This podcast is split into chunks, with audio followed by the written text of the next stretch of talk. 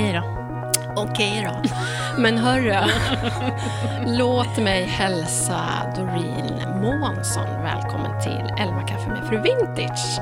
Alltså hur lyxigt. Ja, men hur lyxigt att du är här. Jag har aldrig ätit så mycket grädde på en förmiddag i hela mitt liv som nu. Med hönorna springandes runt benen. Ja, eller jag har sprungit efter dem. Du har sprungit efter dem med din kamera. Ja. rätt. Jag tänkte innan du kom hit idag att vi har ju försökt få till en dejt i typ två år. Att vi skulle ses och luncha eller ta en kaffe eller något. Och nu händer det. Nu är du i mitt kaffehus. Det Alltså, är är så så, lyxigt. Men jag tycker också det är väldigt kul att du kallar det här för kaffehus. Eller hur? För det här är ju ett Och jag berättade ju det för dig varför. Det är för att jag inte vill ha några krav på odling, utan Nej, här ska okej. man bara fika och njuta. Och som du ser så har jag lite grönt. Det är ändå 9000 växter här inne. Ja. Ganska mycket för att bara vara ett kaffehus. Eller hur, på väg ut. Jag har inte planterat ut än, men det ska jag göra. Ja, men lite växter har jag, men, men framför allt så är det ju mitt, min lilla oas. Mm, det är så fint. Så, Så- himla fint.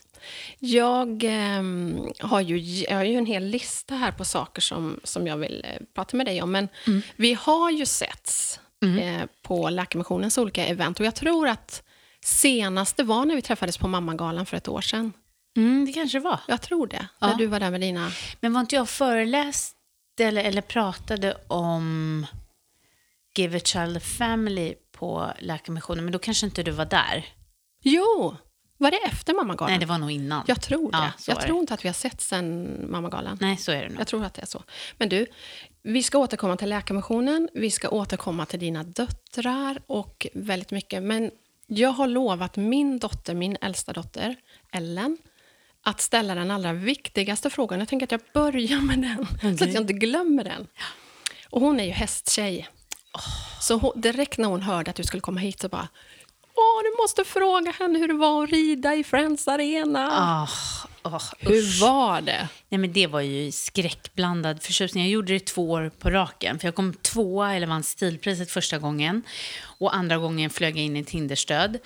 Eh, för ett fullsatt Friends. Ehm, men det var ju... Eh, alltså så här, jag var ju... I den första omgången var jag den enda som var en hästtjej. Eh, men jag var ju absolut sämst, för att jag hade varit med om ridolycka. Eh, så jag tog ju den här stjärnhoppningen som tillfälle att komma över min rädsla. Ehm, mm, så jag var glad att jag kom över rädslan. Jag har ridit otroligt mycket såklart, men, eh, men jag är fortfarande jätterädd. För det här var ju i ett tv-program som heter... Stjärnhoppningen. Ja, just det. Mm. Men hade du, red innan eller började du rida efter den? Nej, alltså jag har haft häst. Jag är Ja, uppvuxen i Afrika, så jag är en hästtjej. Jag har haft Ja. gamla galoppörer eh, från Zimbabwe. När jag bodde i Zambia så hade vi det och jag hoppade mycket.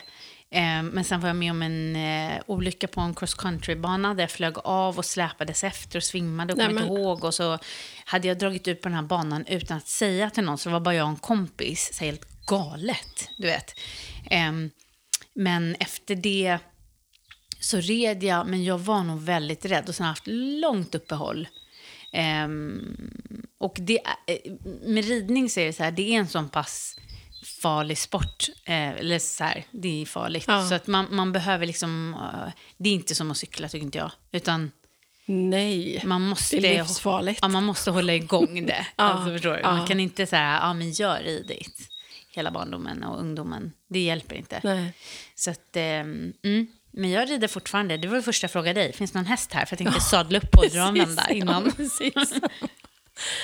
Men för att återknyta till det du pratade om Zimbabwe då, så står det ju när man, när man googlar dig, så står det ju att du är uppvuxen i Uppsala, Umeå och Afrika. Ja, jag vet. Konstig mix. Berätta.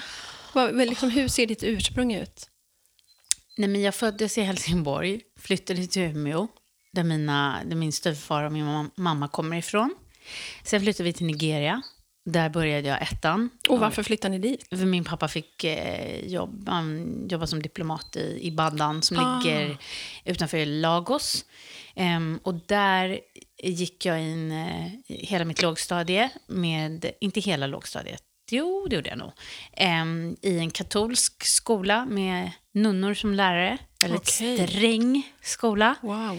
Eh, jag är inte big fan av katolska kyrkan efter det. Ehm, eh, det finns ju fina saker med det också Ja, såklart, såklart. men också inte fina saker. Men ehm, sen så kom jag tillbaka till Umeå, och sen åkte jag till Zambia och efter Zambia Uppsala och så, ja. Men hur många år bodde ni i Afrika? Sex tror jag. Så det är ändå en del av din barndom. Ja, absolut. Jag tycker ju att jag kommer från Afrika. Har du varit tillbaka? Ja, massor av gånger. Alltså, vi var på väg att flytta till Kapstaden förra året på hösten. Eh, för min man är då reklamfilmsregissör och gör mycket, har gjort mycket mode och sånt. Och det filmas ju i Sydafrika eh, nästan alltid. För att det är sommar där på vintern. Så alla Just det. sommarkampanjer blir... Och sen eh, arkitekturen i Kapstaden är väldigt europeisk på grund av boer och allt möjligt Ja. och kolonialismen och så vidare. Så att det kan ju se ut som vilken europeisk stad som helst. Så då tänkte jag så här, men då kan vi bo här istället. För jag vill ju tillbaka till varje pris. Det vill alla som har vuxit upp där. Ja. Alla åker tillbaka också och bor. Men nu bor ni i Sollentuna? Och inga planer nu på att flytta dit? Jo, alltså. Det är din dröm? Käre värld, ja, absolut. Jag ska absolut flytta. Absolut, ett år i alla fall. Ja. Coolt. Absolut. Ja. Men du, ehm, vi har ju som sagt träffats på olika event med Läkarmissionen. Och du har varit deras ambassadör. Mm. Hur kommer det sig? Varför Läkarmissionen och hur? Nej, men, ehm, det var en man som konsultade för Läkarmissionen som heter Henrik Östman. Som är en förtjusande person. Eh, och han drog ihop ett gäng. Det var jag och det var Andreas Lundstedt, Lotta Gray, som åkte till um, Give a Child a Family. Ehm, Just det. Monica Woodhouse utanför eh, Durban Margate. Ehm, och det som är grejen är att min äldsta dotter fick studentpresent av mig att åka volontärarbeta i Tanzania. Wow, vilken Och, studentpresent. eh, ja. Nej, men, eh, och grejen är så att efter tre dagar så var hon så här, jättekul, tack snälla, det var väldigt snällt, men jag, jag kan inte vara här. För vi är utanför en by som är liksom 12 timmar med bil från Dar es Salaam och det är är så. Och sen liksom säger jag bara, ja men nu eh, så har du ganska lång tid kvar så deal with it. Och sen så var det det bästa som har hänt henne. Eh, och sen var det dags för min mellandotter att ta studenten. Och då vill jag ge henne samma sak, för det finns någonting eh, otroligt bra förberedande för livet. Att förstå att man inte är ensam i den här världen och att de valen vi gör i vår vardag här faktiskt har betydelse för människor där. Ehm, så jag höll på att fnula på vad jag ska göra så här. Eh, och då när Henrik frågade mig om vi vill åka, eller jag vill åka, och då sa jag så här, kan jag köpa med en biljett och ta med min mellandotter? Absolut, säger han. Så när Jasmine är med mig eh, och Henrik, min man och Amina, min sladdis, på Arlanda och ska säga hej då till mig så, så har jag packat med en massa kläder som jag ska ge hon till visste barnen. inte om hon visste det. inte om det. Så säger jag så här, ja, du, eh, kan du kolla på min flygbiljett när flyget går? Och så tittar hon och så ser jag hon inte fattar riktigt. Och så tittar hon på mig och så säger jag, den här andra väskan, det är inte bara kläder till barnen, utan det är din också, du ska med. Så vi tillsammans. vilken, hur reagerar hon då? Nej, hon höll ju på att smälla av. Vi hör dig, vi hör dig. Där har vi Miles Davis, vår lilla vita ulltuss till tupp. Han vill vara med också. Klart han ska. Men vad coolt. Men var det här din första kontakt med Monica Woodhouse? Mm.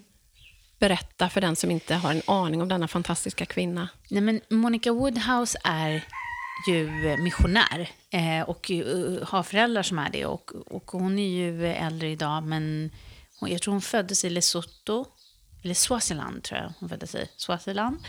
Eh, och är uppvuxen i Afrika, i Sydafrika och eh, kan både Kosa och eh, Zulu.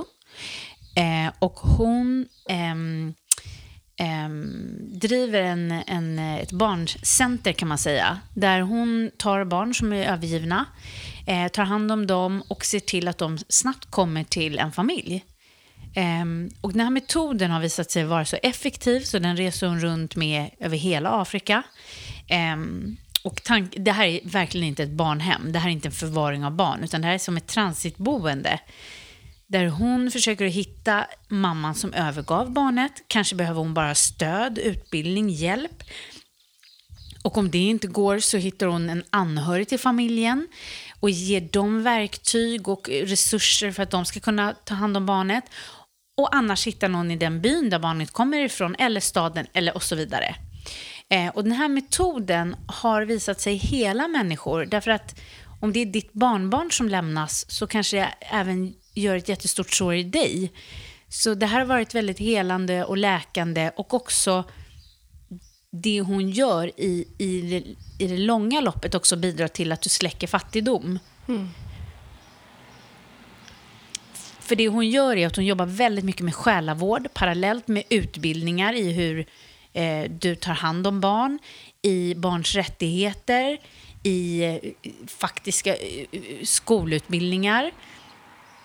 Eh, och när de här barnen blir placerade så släpper Give a Child Family aldrig taget om de här barnen, utan de finns som ett evigt stöd för föräldrarna genom pubertet och allt.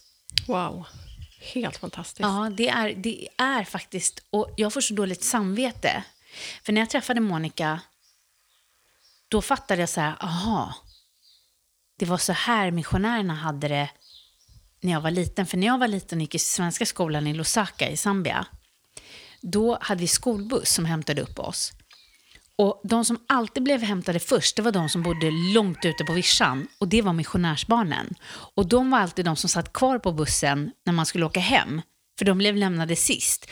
Så de fick gå upp svintidigt och vara kvar längst i bussen på eftermiddagarna. Och ingen ville någonsin åka hem till dem på kalas. För att de hade inga pooler och bodde i jätte så här, slumområden. Förstår du? Medan alla andra bodde i så här, gated communities med pool ah, och personal och sådär. Men det är de som är de riktiga stjärnorna. De bor och lever där de verkar. Ja. Och helt ärligt, undrar om inte de gör liksom större skillnad och nytta än alla diplomater tillsammans. Ja, fantastiskt. Du, varifrån kommer ditt engagemang? För att jag upplever dig som en väldigt engagerad person. Nej men Afrikabiten är väl för att jag faktiskt är eh, uppvuxen där. Jag har ju liksom ansikten och namn och kompisar och liksom eh, som jag känner och växte upp med. Så att jag, alltså jag vet inte. Jag tror så här, jag, jag tror att det är lite grann som att så här, när, att växa upp i Afrika är en grej. Jag säger Afrika för det var flera olika mm, länder. Och sen mm. kommer man hem hit och så förstår man att människor ser det som ett land. Då blir det liksom eh, att man får liksom en viss, man blir lite stressad av det. Att det liksom, eh, att det, det finns ett, ett, en kostnad för den generaliseringen. Att om man buntar ihop liksom en hel världsdel, världens näst största, till ett land och tänker att det kanske alla är lite afrikaner, då är det också svårt att se dem som individer och då är det också svårt att eh, Alltså att så här, brinna för att se deras liksom, enskilda utsatthet. Ja. Eh, ja, eh, den grejen tycker jag är liksom... Ja, men, du har ju varit i Etiopien. Alltså ja. Etiopien har helt andra förutsättningar än Sydafrika. Ja. Och, och, Sydafrika är något helt annat än... De flesta människorna i Afrika svimmar när man säger att man har bott i Nigeria. Det är ingen som sätter sin fot där. Det vet inte folk här hemma. De bara, ha Nigeria, tänker de. Ja. Eh, eller att Zambia har helt andra förutsättningar än Kenya, fast de ligger bredvid varandra. Mm. Ja. Jag vet ju att det här med alla människors lika värde, främlingsfientlighet och hela den biten är en av dina hjärtefrågor, eller hur? Mm. Har du jobbat med det på något sätt? Eller? Alltså jag har bara jobbat med det. Du har bara jobbat ja, med alltså det. I tv har jag, liksom det har varit min så journalistiska ballpark. Jag har i stort sett alla program jag gör, eller får jobbet till, är det för att man vill ha de glasögonen med. Eh, och det är ju för att jag... Eh, eh, men jag har blivit själv väldigt utsatt för rasism som barn. För att jag såg annorlunda ut, men framför allt alltså för så här efteråt tycker jag inte att jag såg så annorlunda ut, men eh, med irakisk, eh, irakiska rötter och så vidare. I, Menar du här i Sverige, mm. när du mm. bodde i Sverige eller när du bodde i Afrika? Ja, alltså i Afrika var jag också annorlunda. Ja. Men det gick över till att så här, okej, okay, alla i min klass var mörka, alltså var nigerianer. men långt ifrån samma. Herregud, en var hausa, en var yoruba, en var ibo och någon annan var något annat. Och liksom, det var okej. Okay. Alltså, det är som att någon är tomat och någon är gurka och någon är liksom, sugar snaps och tillsammans är vi sallad. men här är man liksom så här, åh, hon är ju sån där. Du vet att man har en norm man lider av någon form av normfixering här. Medan där var ju alla olika. Så att när jag kom till klassen, då ville ju folk, en klassiker, alltid känna på mitt hår och sen var det över. Eh, för att det var ju inte som att resten av gänget var lika heller. Nej.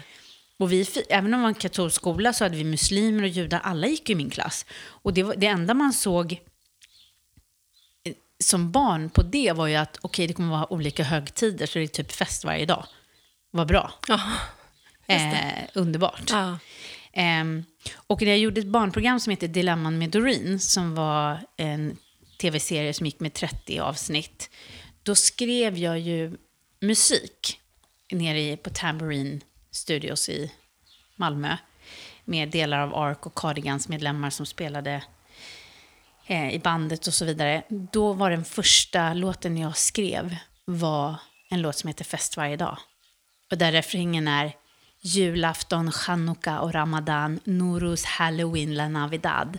Fest varje dag. Alltså vad bra det är när vi är olika. Ja, just det.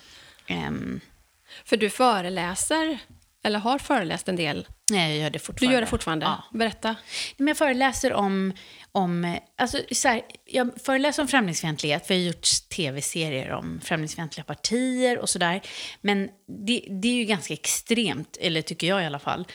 Eh, det som, är, som jag tycker är ett större problem egentligen, för jag tycker inte Sverige är ett superrasistiskt land, men jag tycker att vi är ett väldigt fixerat land. Och det är nästan ett större problem. Så här gör inte vi, så här gör inte man. Och där tänker jag så här, i Sverige står vi liksom en meter mellan varandra i bankomatkön. Och det är därför att den som tar ut pengar ska veta att den bakom inte står och tjuvläser koden och sen följer efter och slår ner den och, och tar ut ens sista 700 eller vad det är. Eh, så, så, gör vi.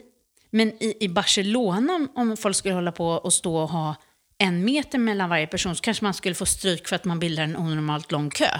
Oh, så vår norm kanske oh. inte är så här, gäller i hela världen. Nej. Och det här med att vi ska vara så himla man får faktiskt göra så här här och att man blir arg på folk som inte beter sig som vi gör. Men tänk om de har en norm som de tänker är rätt och inte är medvetna om vilket brott de gör. Mm. Um, och där har vi liksom... Mm, där har vi en... Uh, vi har en liten bit att gå där, tänker jag. Verkligen. Um, att vi inte blir så normfixerade. Mm. Att vi liksom inte stänger in oss eller andra i det. Mm. Jättebra. Eh, man känner ju dig mycket från tv såklart. Du är journalist i botten, eller hur? Alltså, jag har inte utbildat journalist, men jag har jobbat journalistiskt sedan 2002. Så ja, jo, kanske. Ja. Och många tv-program. Ja, Berätta, vilka? Oh, gode Jesus. Kommer du ihåg alla? Nej, jag vet att mitt första tv-program var ett program som heter Fläsk och var inför valet 2002. Sen har jag gjort barnprogram i massor. Jag har producerat massa barnprogram. Jag har eh, haft en talkshow. Jag, jag har haft massa program som heter Doreen någonting. Doreen kommer hem, Doreen 21.30, Doreen bla bla bla. Um, och det eh, är något som jag tycker känns lite jobbigt. Därför att det är så här, när ett program inte är omtyckt, då står ja, det liksom ens namn i det. Det är jättekul om det blir bra. Man bara, um, Eh, jag, jag, gjorde ett program som handlade om, för inte så länge sedan, för kulturen, som heter Doreen kommer hem. Och det handlade om konstnärer runt om i Sverige i miljonprogrammen, när miljonprogrammen fyllde 50 år. Och jag tyckte det var så hemskt att det hette Doreen kommer hem. Det här handlar om så här jättegrymma, stora stjärnor. Och då tänkte jag så här, hade det varit stora stjärnor från innerstan, alltså jättegrymma, konstfacks, liksom, eh, konstnärer som bodde i innerstan, då hade det säkert inte hetat Doreen kommer hem. Utan då hade man velat, liksom, ja, men ja. Ja, jag fattar. Jag vet inte. Jag är kanske lite känslig också. Men du, vad är det roligaste du har gjort på tv? Mm. Det roligaste jag har gjort? Alltså jag tycker allting är ju kul som man har gjort. Nej men om vi säger så här, det jag inte är så förtjust i, det är studioprogram. Som min talkshow Doreen 21.30 hade jag gärna gjort på location som man säger. För att det finns någonting som händer med personer när de bjuds in, man går igenom säkerhetskontrollen på SVT, man blir slussad till en loge och man blir sminkad och sen går man in på någon, någon studio med någon studiovärdinna. Det finns något stört med det. Eh, det blir inte bra. Nej. Eh, så alla de intervjuerna jag gjorde hade jag hemskt gärna kommit hem till dem. Därför att maktbalansen blir så otroligt skev. Och det gör att samtalen har inte de bästa förutsättningarna. Ehm, så jag är... Jag älskar när jag får komma hem till folk. Ja. Eh, för då kommer man väldigt mycket... jag- Den här programserien jag gjorde om eh, främlingsfientliga partier. ehm, där gick jag hem till ledaren för Nationalsocialistisk front i eh, Linköping, tror jag det var. Och ehm, det blev ett sånt himla bra samtal. Det förväntade inte ens jag mig. Jag förväntade mig inte ens att jag skulle vara skön. Eh, jag tänkte så här, alltså det här är ett sånt superas, tänkte jag så här, först. För att jag också är fördomsfull. Eh, och tänker att det kan inte vara en bra människa bakom den här åsikten. Men då får man ju se att det finns ju en människa, en Guds skapelse bakom alla störda olika ideologier. Det är ju någonting som livet har format dem Ja, till. ja. Eh, det, får du, det når du inte riktigt fram till i- en tv-studio. Och hur har du lärt dig det? För det är ju verkligen en fantastisk livskonst, eller man ska säga, just det här att kunna se bakom någons eh, åsikter och ideologier, att, att det faktiskt finns en, en människa där bakom med samma värde som, som vem som helst. Men alltså, jag vet inte om jag har lärt mig det. Det är li- äh, helt och fullt. För jag, jag är väldigt fördomsfull. Jag jobbar väldigt mycket med att jobba mot fördomar. Men jag är också väldigt fördomsfull person. Ehm, Hur då menar du? nej men jag, har nog väldigt, jag är nog väldigt snabb med att tänka så här, ah, det där vet jag väl vad det där. Du vet, så här, lite Är det kärringsida. journalisten i dig som kommer fram då? Nej, men jag tror att journalisten i mig är den som försöker hålla mig öppen. Därför att det är liksom...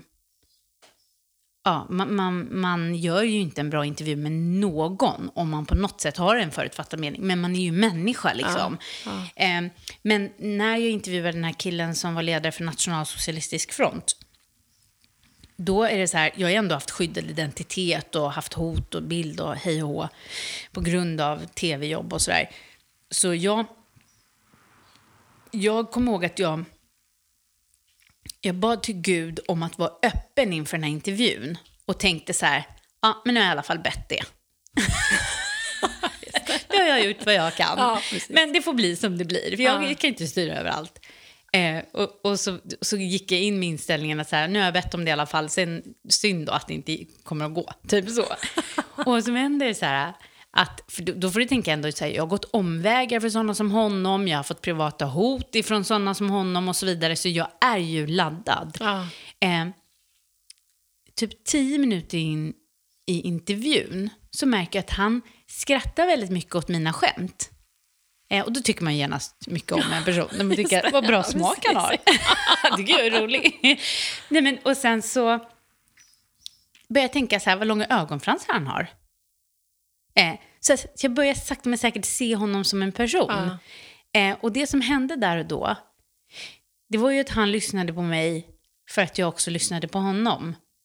Eh, och då möts vi. Och det är bara så man når varandra. För att om jag står på barrikaden på ena stället och han på andra så kommer vi bara befästas och förstärkas i våra åsikter. Eh, och, och, och det var så här, ja, det där var, det där var Gud. Ja, wow. Så jag vill inte ta åt mig äran för det. För att det är liksom inte, ligger inte i min natur att vara så härlig. Helt enkelt. Du menar att Gud är härligare? ja, Gud ser till att du är härlig när du måste. Ja, eller Ja. hur? Just nu är vi ju inne i en, en otroligt, eh, alltså historiskt sett, orolig tid. Vi har ju aldrig levt med, med större oro för framtiden. Rädd, man, människor är rädda för att bli sjuka, man är rädd för att dö. Eh, Ehm, var hittar du din kraft? Och din trygghet? Nej, men... Eh, nej, men jag är också orolig och rädd och, eh, och så vidare. Inte superrädd kanske, men semirädd då. Jag har ju en stark gudstro. Och sen vet jag inte liksom, vad det innebär mer än att, att det är i den här jätte jättestormen så känner jag att jag visst är i vattnet och det är hajar och jag har skeppssprutor men jag har en flytväst. Mm, bra bild. Verkligen. Men är du uppvuxen eh, liksom, med den kristna tron eller, eller hur har du hittat den? Mm, men det är jag nog. Jag eh, gick på kyrk kyrkans barntimmar i Umeå när jag var liten. Eh, och sen flyttade jag till Nigeria. Sen gick jag i en katolsk kyr- eh, skola. Ena frikyrkogrejen som de har där, liksom Nigeria, eller Ibadan. Och sen den här superstrikta Ja, brittiska Ja. katolska. Vilken eh, krock. Mm. Inte konstigt att man blev så svajig. Nej, jag ska bara. Men hur stor, hur stor del har din gudstro i din vardag? Påverkar den dig? Nej, men det är väl ett, ett, ett, ett samtal liksom, som jag har hela tiden. Um, och det, uh, det, det är liksom som en självklar del av uh, vem jag är. Mm.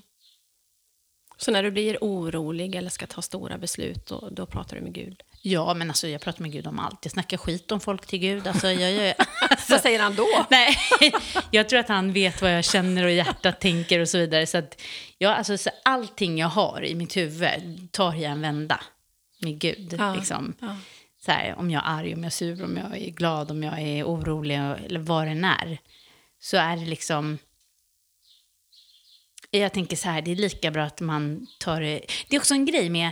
Eh, jag läste en forskning från Oxford University. Nu låter det som jag läser forskningsrapporter, det gör jag aldrig. Men jag läste den här.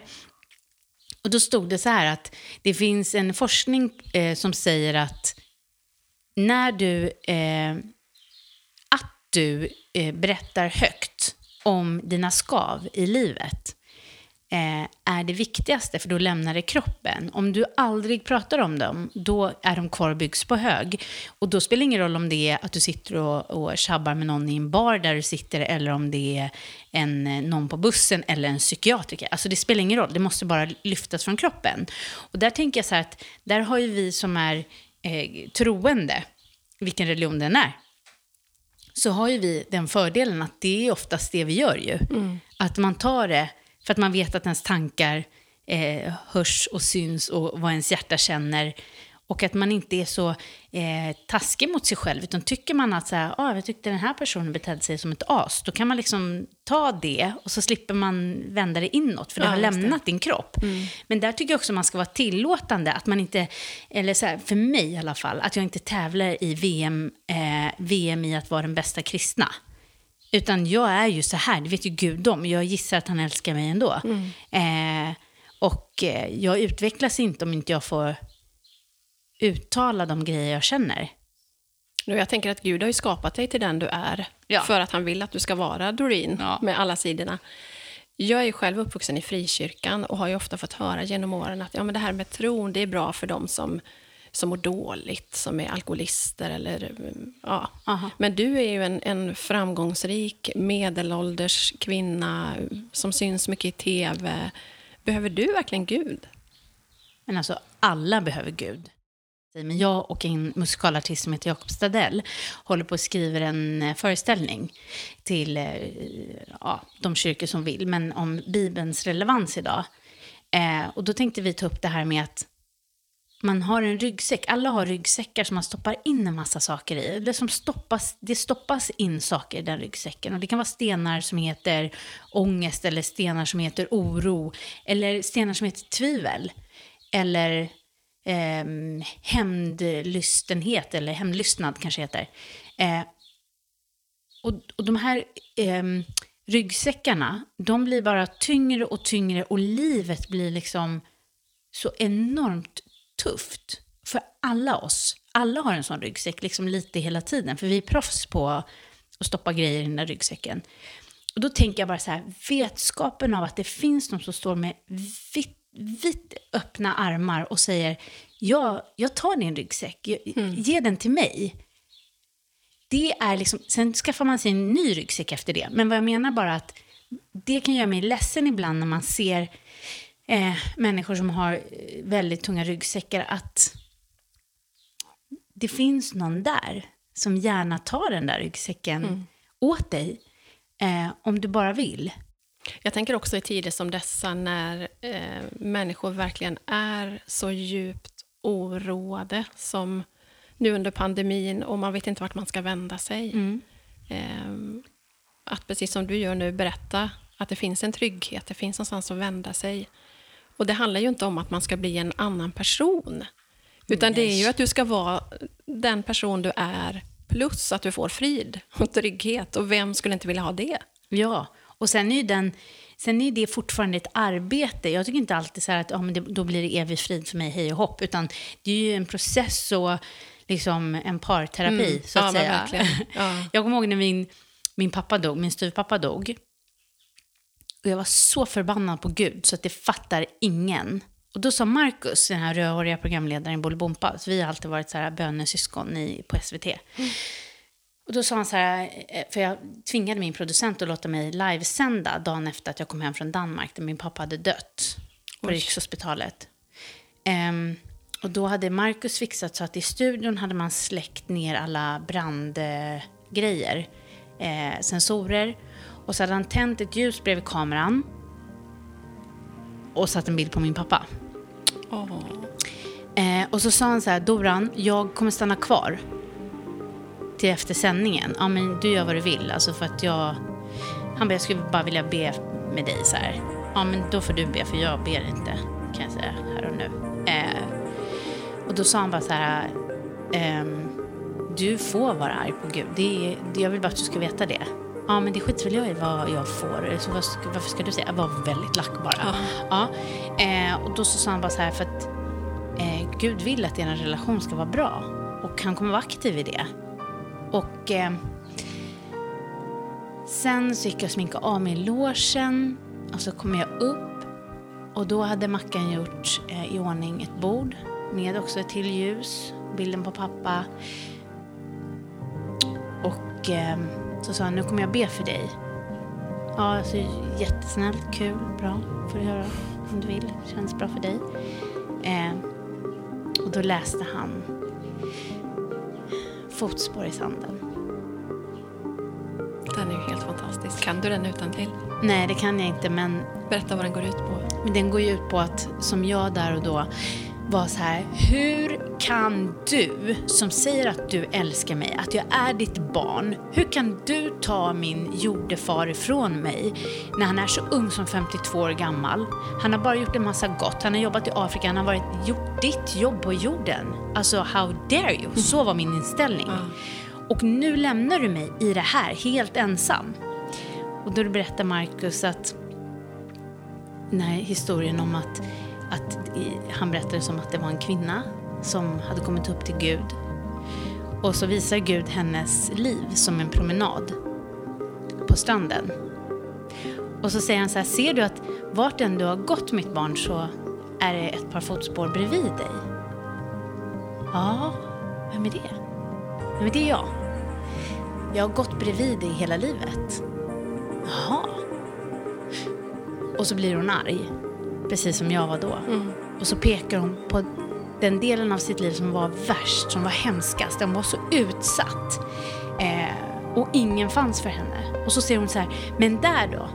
Där Gud, där det var som tuffast för mig, där går jag helt ensam. Nej mitt barn, där bar jag dig.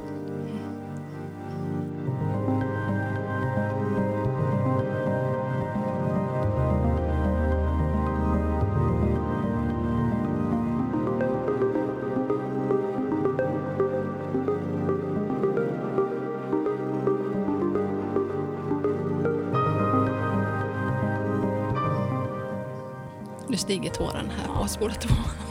Vi tar en klunk kaffe tycker jag, eller hur? Ja, usch. Men med det sagt så, så försöker jag påminna mig själv om att man ändå är lite buren. Mm. Och det är ju det som tron handlar om, tänker jag. Att känna sig buren i livets alla omständigheter och säsonger. Eh, så har man alltid någon som, som går där bredvid och som du säger, som bär i de tuffaste. Är det här någonting som du pratar, har pratat med dina barn om? Om tron? Ja, så vi pratar tro hela tiden.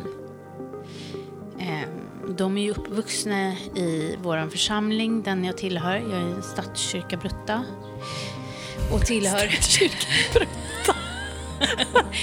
Nej, men jag har så många frikyrkokompisar. Så jag bara, de är alltid där, vilken församling? Man bara, Stadskyrkan. De bara, åh, tråkigt. Nej då. Eh, men... Eh, eh, det är väl anledningen till att, att vi har så många typer av olika kyrkor, för att vi är så olika människor.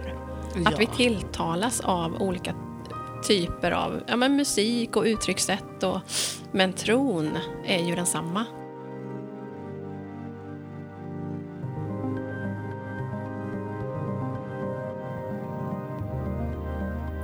Jag är så otroligt stolt och glad över att Läkarmissionen ville bli min huvudsponsor för podden.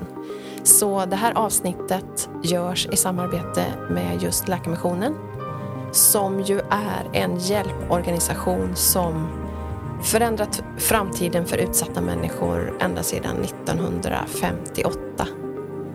Och vill du veta mer om Läkarmissionen så kan du lyssna på mitt poddavsnitt som heter just Läkarmissionen och även ett avsnitt som heter Mer än den svarta rutan som handlar om när min son och jag var med Läkarmissionen på en resa till Etiopien.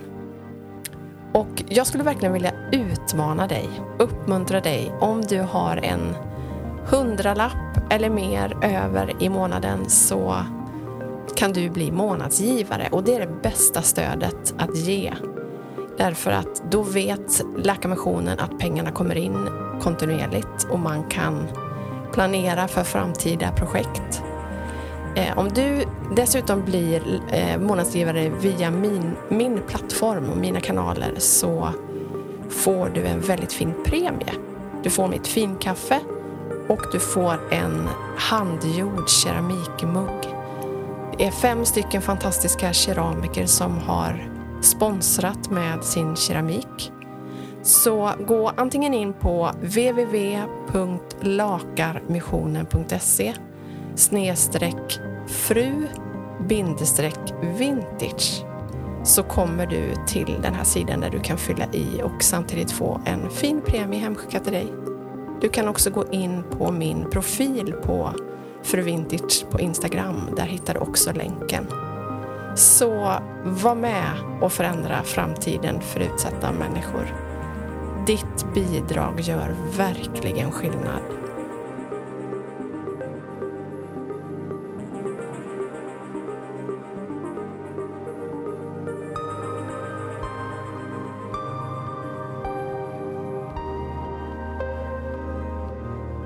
Din man är ju filmregissör. Ja. Hur träffades ni? Via min bästa killkompis Tarik, som är filmregissör också. Tarik Sale, som är um, min dotters Jasmins gudfar. Så det var via honom. Så ni träffades på jobbet helt enkelt? Ja. Och ni har Amina tillsammans, visst är det så? Ja, precis. Och du har tre tjejer? Ja. Hur gamla? Eh, min äldsta 91, mellersta 96 och Amina fyller 8. Hur är du som mamma? Nej, men, eh, om du frågar mina barn så tycker de att jag är väldigt konservativ, att jag har varit mycket strängare än alla andras mammor. kan vi ta jag, varandra i handen? Ja. Alltså jag är ju... Men... Eh, ja. Men nu går det ut för. Nu tycker jag är råslapp. Jo, men nu vet jag vad, en sak som jag verkligen vill prata med dig om. Det är ju Kallar ni det för D&G Breakfast Club? Eller vad säger ni? Just DG? Det. Nej, D&G Breakfast Club är jag och Gabriel. Vi har pratat väldigt mycket om... Gabriel vem? Gabriel Fors. Förlåt, mm. förlåt. Mm. Gabriel Fors. Gabriel Fors. han och jag har pratat väldigt länge om att vi måste göra något, vi måste göra så här möten, vi måste ha gudstjänst på söndag, kan inte vi bara göra det, lovsång? Så här. Vi har pratat jättemycket om det. Eh, och vi ses alltid på frukostar varken han eller jag äter frukost, men det har blivit det enda sättet att träffas på. För att på lunch, då ska man tillbaka till jobb. På kvällen, då kanske ens familjemedlemmar är där. Och det kanske är just dem man vill snacka skit om, man är irriterad på. I don't know. Ja. En ventil helt ja. enkelt. Ja. Och då har vi sett på morgnarna och så, så, så, så, har vi bara skämtsamt skrivit DOG Breakfast Club.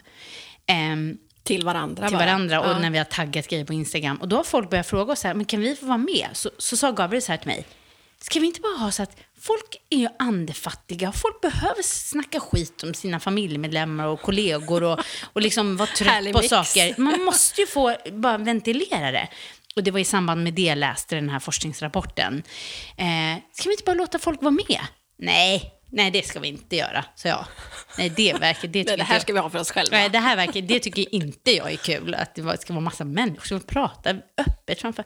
Ja, är inte det bra? Ja, för jag på mina döttrar nu. Det säger du jämt. Och sen är det borta. Ja, men hur ska det gå då? Ska vi komma med så här 70 pers till Wayne's Coffee? Nej, men vi hittade ett ställe. Han var så himla bra och positiv med det här.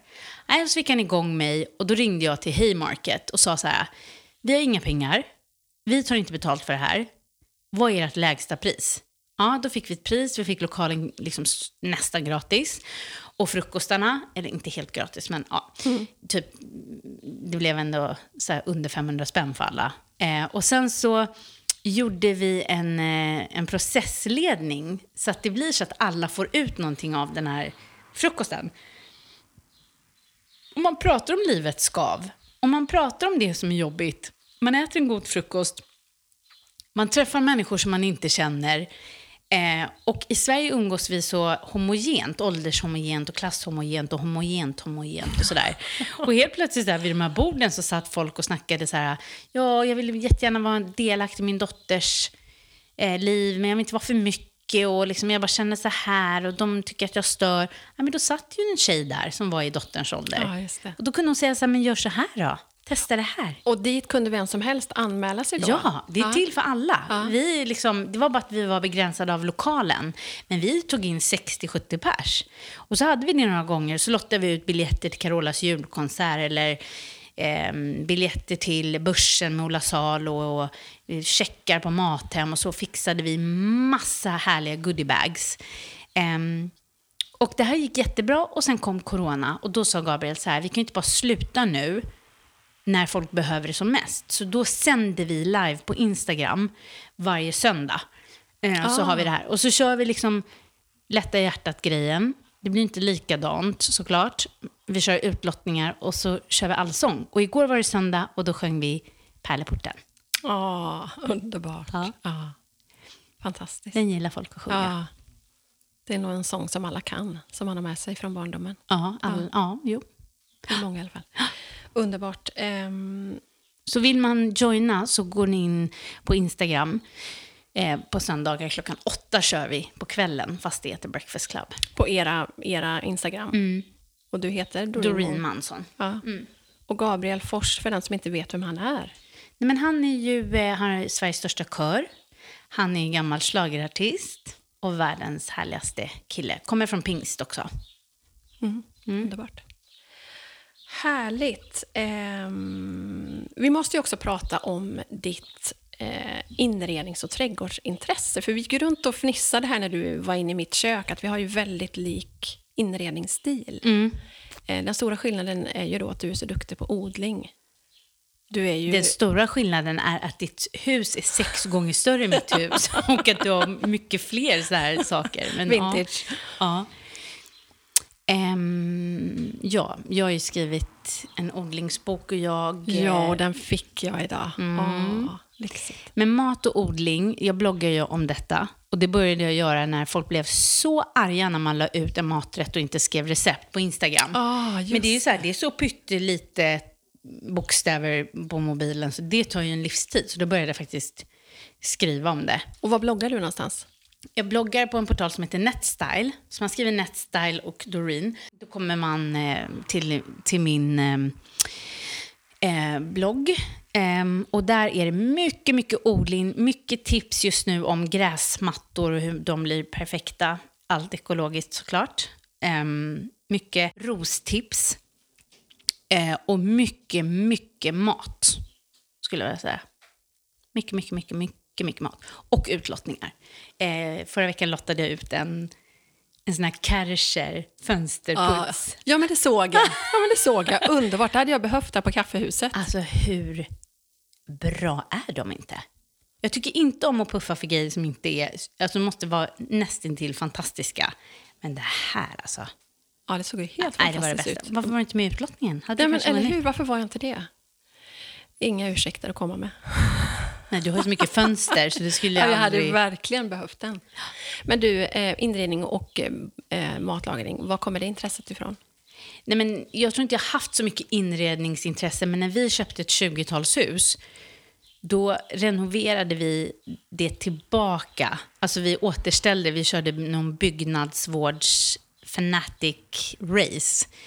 Ehm, och då blev det så här kul när jag reste med Henrik när han filmade, när vi var på olika ställen i världen, att åka till olika marknader och hitta 20-talslampor Åh, och 20-tals dröm. sifoner eller ja, vad det nu var. Ehm, och då blev det per automatik att så här, husets arkitektur fick bestämma inredningen. Men vi är ju väldigt olika, jag och Henrik, i allt. Även inredningssmak. Okej. Mm. Vad har han för inredningssmak då? Nej, men han är så här en Beckmans kille och ska hålla på och prata om eh, magenta och kleinblått och så här som jag inte ens vet vad det är. Har han Ehm. gått på Beckmans? Ja. Han är väldigt, väldigt Beckmans. Okej. Alltså det är en väldigt speciell klick människor. De är liksom, utgår ifrån att världen ses med samma ögon som dem. Han bara, jaha, det där, är det där eh, den optiska mitten? Va? Snack? Va? Va? Men vad, vad var hans inriktning där på Beckmans? Visuell kommunikation. Man är illustratör i grunden. Okej. Så det är liksom så här, ska vi hänga upp en tavla, då är det en kamp på nio månader. Om vilken tavla och vart den ska hänga. Men Jag var det så, du berättade för mig här innan att han var, var han den yngsta som har blivit antagen? Jag tror att han var bland de yngsta, Bland de absolut. yngsta, ja, det tror jag. Coolt. Då. Ehm, ehm, och han är liksom, han är väldigt artig och jag är väldigt tvärtom. Han får ju tvinga mig att gå på konstmuseum runt om i världen. Han får liksom börja med så här, den här är värd så här mycket för att jag ska bry mig. Jaha, Ja. Alltså okej. Ja. Men vad har ni för stil hemma då? Hur får ni ihop den mixen? För du är ju väldigt mycket vintage, eller hur? Ja, och, både och. Men han är ju väldigt så här, lite fransk i sin inredning. Jag vet inte vad jag ska säga utan att snacka skit om fransmän. De har väl fin inredning. Men han är liksom lite...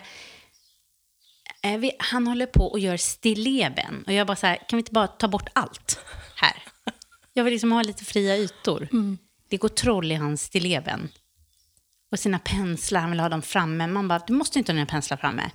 Jo, jag har mina gouache-penslar här. Ja, men vad är det ens? Men målar han alltså? Han och Amina, jag är inte en mamma som gungar. Jag målar inte, jag pärlar inte. Alltså jag är, ingen... jag är, är inte den typen. Vad gör du då? Nej, men jag eh, leder hästar, som du kan få titta Ja, på om du är mitt barn. Eh, jag gör lite sådana grejer. Men jag klarar inte av gunga-grejen. Det går inte. Eh, man måste inte göra det. Nej, det måste man verkligen inte. Så det skiter jag i lite. Och då får han göra det. Och sen leder jag hästar och gör lite annat. Jag pärlar inte heller. Ingen pysselmamma med andra. Nej, verkligen inte. Och jag ritar inte. Men är du en sån mamma som har med dem när, när du lagar mat och bakar och så? Alltså jag bakar inte. Nej, bakar gör du inte, men laga Nej. mat då, det gör du ju. Alltså hon lagar mat. Hon gjorde sushi igår. Wow! Ja, hon gjorde så sushi-ris med sån här vinägergrejs och så här. Hon är väldigt så här, gillar att laga mat. Men det är ju därför att jag lagar faktiskt inte mat superofta därför vi är så många i vår familj som lagar mat. Så att det är lite slagsmål om vem som ska laga den. Eh, vilket är ju lyxigt. Underbart, verkligen. Men alla, vårt kök är gjort, du får se när du kommer hem till mig, men vi har som en gigantisk bakbord i mitten som är mellan kök och vardagsrum. Ja, men det har jag sett på din Instagram. Ja, så folk sitter ju på vardagsrumsdelen och när vi gör så pizza eller någonting, då står ju folk runt alla hörn och kavlar. Då får vi plats kanske 8 till 10 människor just som är aktiva. Så Mysigt. ja, Och ni har ju kört era söndagsmiddagar, verkar ju så Ja. mysigt. det brukar vi alltid ha, men inte nu. Nej. Men snart igen. Men snart igen. Ja, ja det måste verkligen. vi tro. Ja, det måste vi tro. Ja. Ehm, ja, men vi har redan pratat om tv. Du har ju varit med i alla möjliga Idol, Doobidoo. Ehm, ja, listan är ju jättelång. Du har fått pris också, läste jag någonstans. För vad? Var Vad var du det? programledare, eller vad var det? Jag vet inte. Jag har varit var nominerad i alla fall. Nej, men jag har nog varit nominerad, Nominerad för Grammis var. och Kristallen Ja. och program som är Kristallen och sen har jag fått något pris, jag kommer inte ihåg i vad, men något Tack var- vare att du har lett program då som har varit nominerade, eller? Ja, men och grejen är så här att man som ensam person skulle få pris för ett program där typ 50 människor jobbar blir liksom också lite... Ja. Mm. Man är liksom aldrig så bra som ens redaktion. Nej. Man är ju bara sista personen som springer med bollen i mål. Sen har ju folk krigat fram tills dess. Ja. Så ehm, som sagt, bakom varje programledare finns det ju massor av superstjärnor eh, helt enkelt, Mm. som gör en bra. Vad gör du just nu? Vad är du aktuell med? Men nu är jag väldigt aktuell med bloggen. Jag bloggar väldigt mycket. Jag brukar vara slarvig med det annars. Eh, och sen håller jag på och klipper ett program som vi spelade in i Sydafrika för ett år sedan. Om hajar. Ehm, det heter Hajar med Doreen. Nej, heter det något med Doreen? Eh, men eh, Och då var, då var väl Henrik och Amina med, va? ja, Ja. Precis. Amina blev väldigt någonstans. sjuk och då var Carolas dotter där, Zoe också. Så då var faktiskt Zoe med min äldsta dotter och Amina på hotellet. Och så gjorde hon små lekar med Amina för att lura henne att äta, för hon blev jättesjuk och då Ah. fick hon tillbaka liksom lite vikt. Eh, och så filmade vi där ett barnprogram om hajar. Vad hajar behöver för att må bra och det kommer i höst. Aha, vad kul. Sen utvecklar jag program. Eh, jag kan inte säga så Nej, men det ska du inte göra då. Nej, Vi ska men inte eh, det är ett, eh, ett eh, krimprogram kan man säga. Vad, om man tänker framåt, vad är ditt drömprojekt? Vad, vad, vad drömmer du om framåt? Ehm, jag vill göra mer grejer med Monica Woodhouse. Hon är högt prioriterad i mitt liv för att eh, jag känner mig konstant stressad över att hon är där borta och gör det tuffa jobbet och är väldigt så här, uppkavlade ärmar och det enda hon behöver, hon har alla metoder, hon har alla vägar, hon har all, allt liksom för att nå framgång i det hon gör.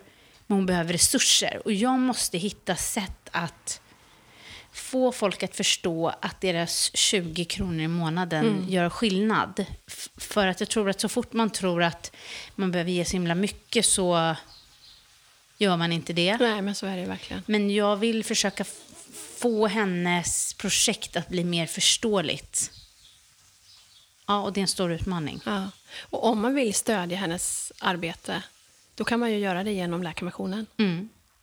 Absolut, kan man verkligen göra. Man kan också göra det direkt. Alltså man kan följa Ja, dem på. Instagram och se liksom, vad är det de behöver hjälp med just nu. Jag vet att nu har hon ju hjälpt väldigt många äldre ehm, också.